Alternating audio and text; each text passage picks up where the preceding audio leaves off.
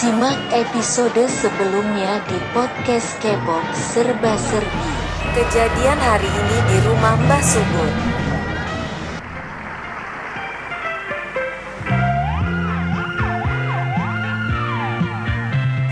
Menderu membara semangat seluruh bangsaku Nusantara tercinta menggelegar bersatu padu. Dengan sumpah setia Satu nusa, satu bangsa.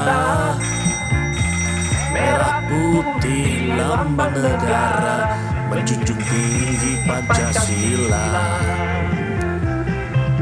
Tuhan yang maha esa itu sila paling utama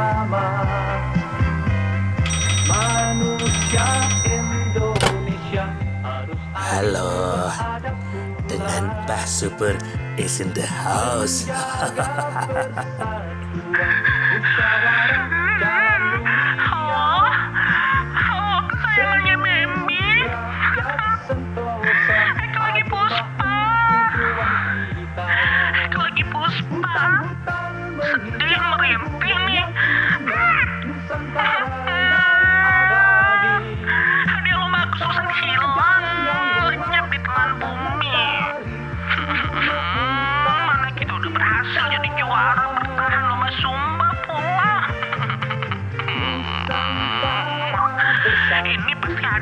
17-an hilang gara-gara si Firman nih buat modal deketin Vina.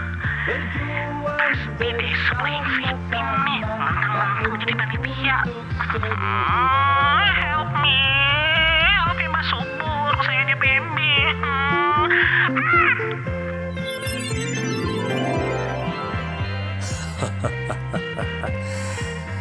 Selalu saja ada masalah dan perkara di kampung dalam ini.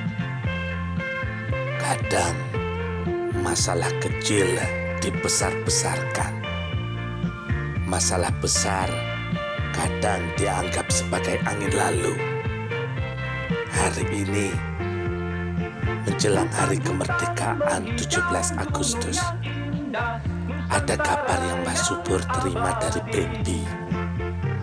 Hadiah lombanya hilang.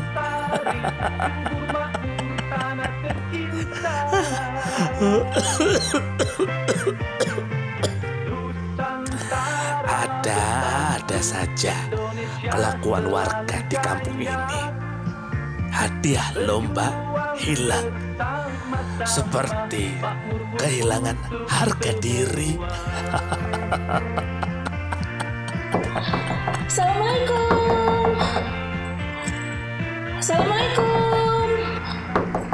Mbak Subur. Mbak Subur. Waalaikumsalam. Masuk aja, Dok. Pintunya nggak dikunci. di satu simpang jalan mungkin masih dapat melihat tapi kita selalu dalam satu lingkaran Mbak Subur. Mbak Subur punya gudang beras.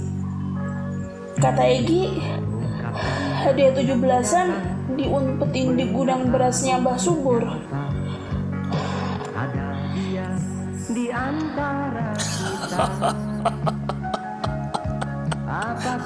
ada Ada, ada, saja. Di rumah Mbah Subur. Mana ada gudang beras Dodo.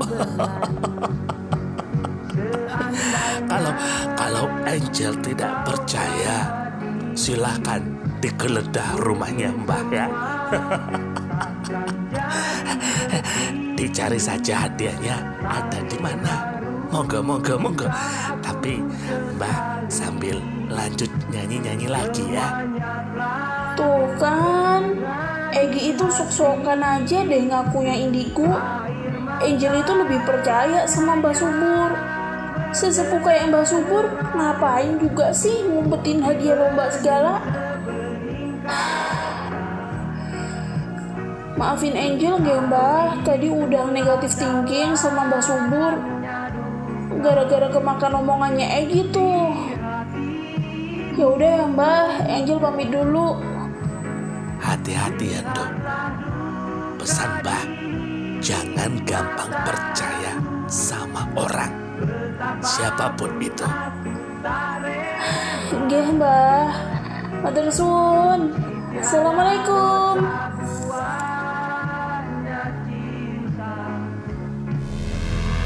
Kejadian hari kemarin di rumah Mbah Subur. Istrinya Mbah Subur sudah meninggal 10 tahun lalu, Nduk. Mbah itu punya 11 anak. 6 cewek dan 5 cowok. Tiga anak yang dua cewek dan satu cowok sudah meninggal. Ya, tujuh anak lainnya itu tersebar di pulau-pulau yang ada di Indonesia. Ada yang di Sumatera, Kalimantan, Sulawesi, Bali, Jawa, Papua. Di rumah ini, Mbah Super itu tinggal sama anak yang bungsu dan istrinya sama dua cucu. Wah, pantesan aja Mas Subur udah keliling Indonesia. Jadi listener podcast sebuah jeda, Mei itu wawancara Mbak Subur buat konten podcast tema Agustusan. Soalnya Mei baru dapat info dari orang-orang kampung sini kalau Mbak Subur itu tanggal lahirnya sama dengan hari kemerdekaan Republik Indonesia, 17 Agustus 1945. So, usia Mbak Subur ini sama dengan usia negara kita. 77 tahun. Wow, dan langka banget gak sih menemukan orang seperti Mbak Subur ini? So, gue merasa beruntung banget sih bisa ketemu dan wawancara Mbak Subur. Anyway, Mbak Subur, seneng gak sih diwawancara sama Mei hari ini? Ya, Mbak, Mbak senang diwawancarai sama Mai buat konten podcastnya. Mbak Subur itu senang berbagi cerita dan pengalaman hidup Mbak itu ke orang-orang. Mbak juga senang dengerin cerita dan pengalaman orang lain. Apalagi sama yang masih muda-muda kayak Mei. Tuh kan listeners, seru banget kan ngobrol sama Mbak Subur. Dan kerennya lagi, Mbak Subur ini meski udah sepuh tapi beliau ini sangat-sangat up to date. Tahu apa yang lagi viral. Bahkan Mbak Subur tahu podcast loh. Bener-bener melek teknologi dan melek digital gak sih? Keren banget. Padahal rumah Mbak Subur ini banyak barang-barang jadul dan antik loh yang baru Mai lihat. Ada TV tabung, ada tap kaset, pemutar piring hitam, radio jadul, dan banyak lagi. Kalau penasaran, main aja ke rumahnya Mbak Subur di Kampung Dalam. Gampang banget kok nemu rumahnya. Tanya aja sama warga-warga di sini. Atau cari aja rumah yang ada pelang tulisan bimbingan dan konsultasi kehidupan. Kejadian beberapa hari ini di rumah Mbah Subur. Beberapa waktu lalu, Mbah diwawancarai buat konten podcastnya Mei. Hari ini ada Bempi yang ngabari hadiah lomba hilang. Tiba-tiba muncul Angelica yang datang ke rumah nyariin hadiah.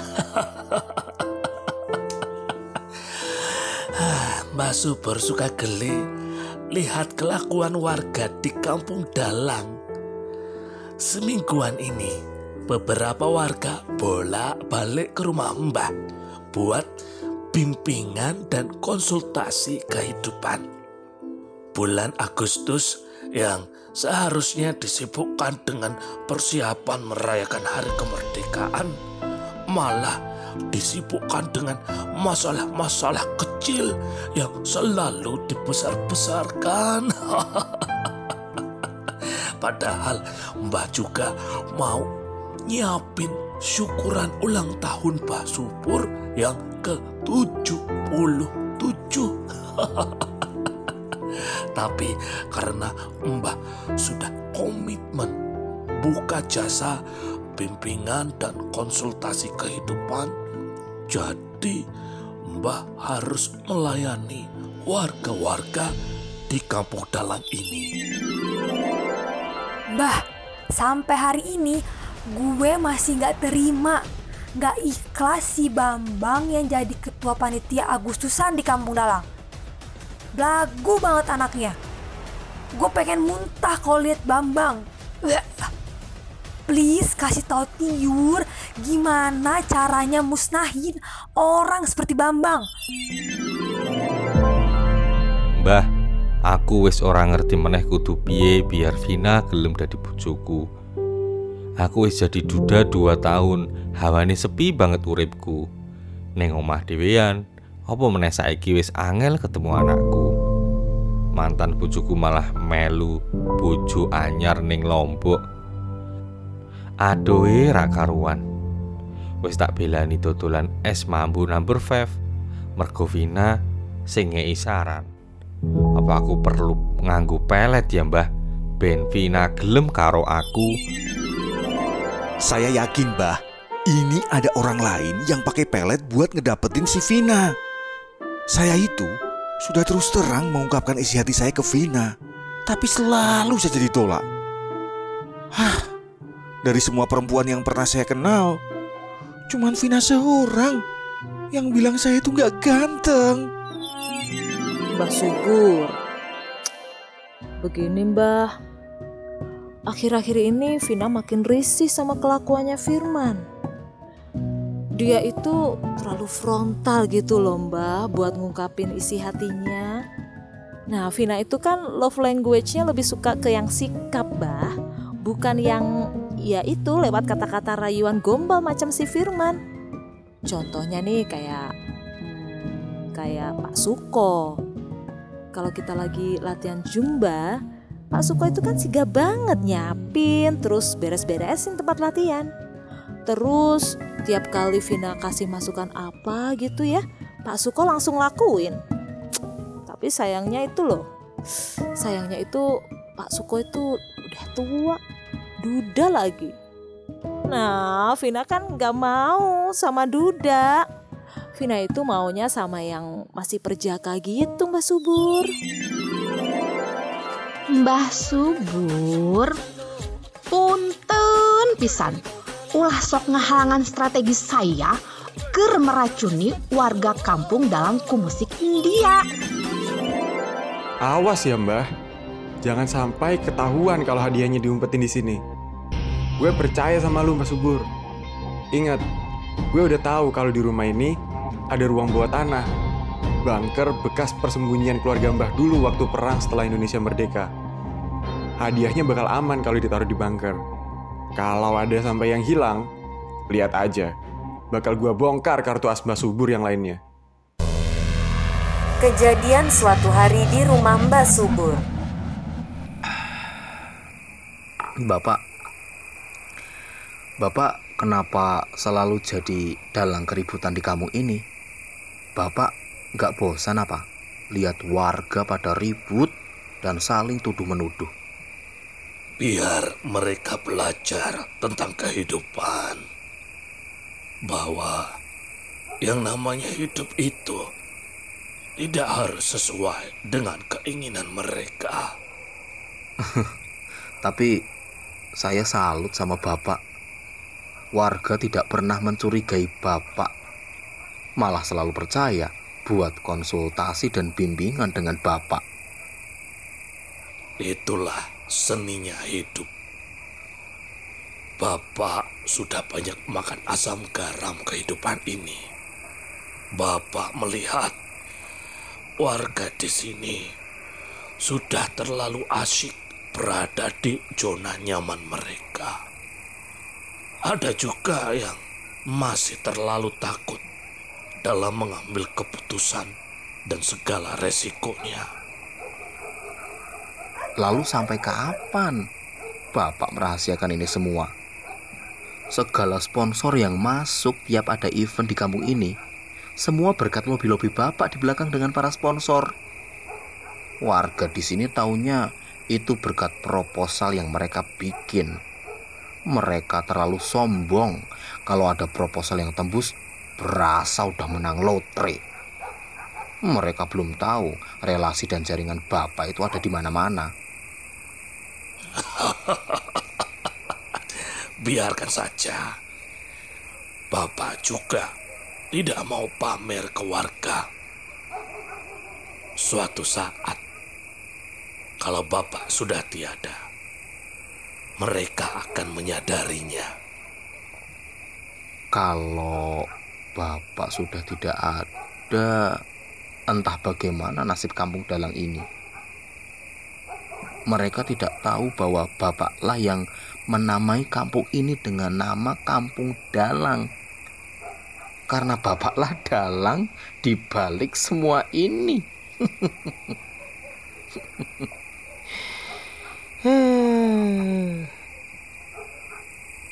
Itu karena mereka tidak pernah mau mencari tahu bagaimana sejarah kampung ini. Eh pak, apakah bapak sudah punya penerus untuk menjadi dalang di kampung ini? Sudah. oh jangan salah pilih orang pak. Keturunan mereka masih menyisakan Egi yang mewarisi kekuatan supranatural dari kakek moyangnya. Tenang. Kejadian suatu hari di suatu tempat.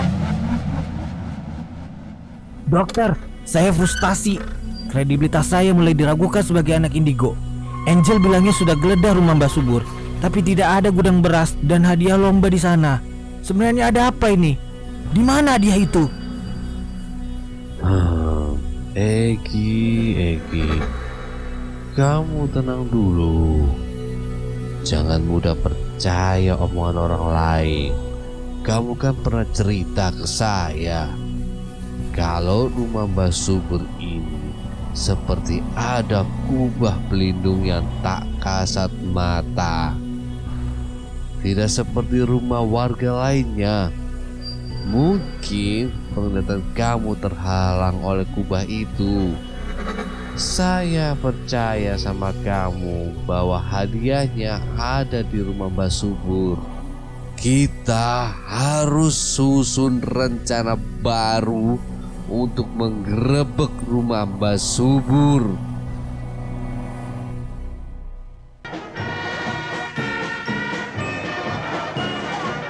Simak episode selanjutnya di podcast Satu Suro.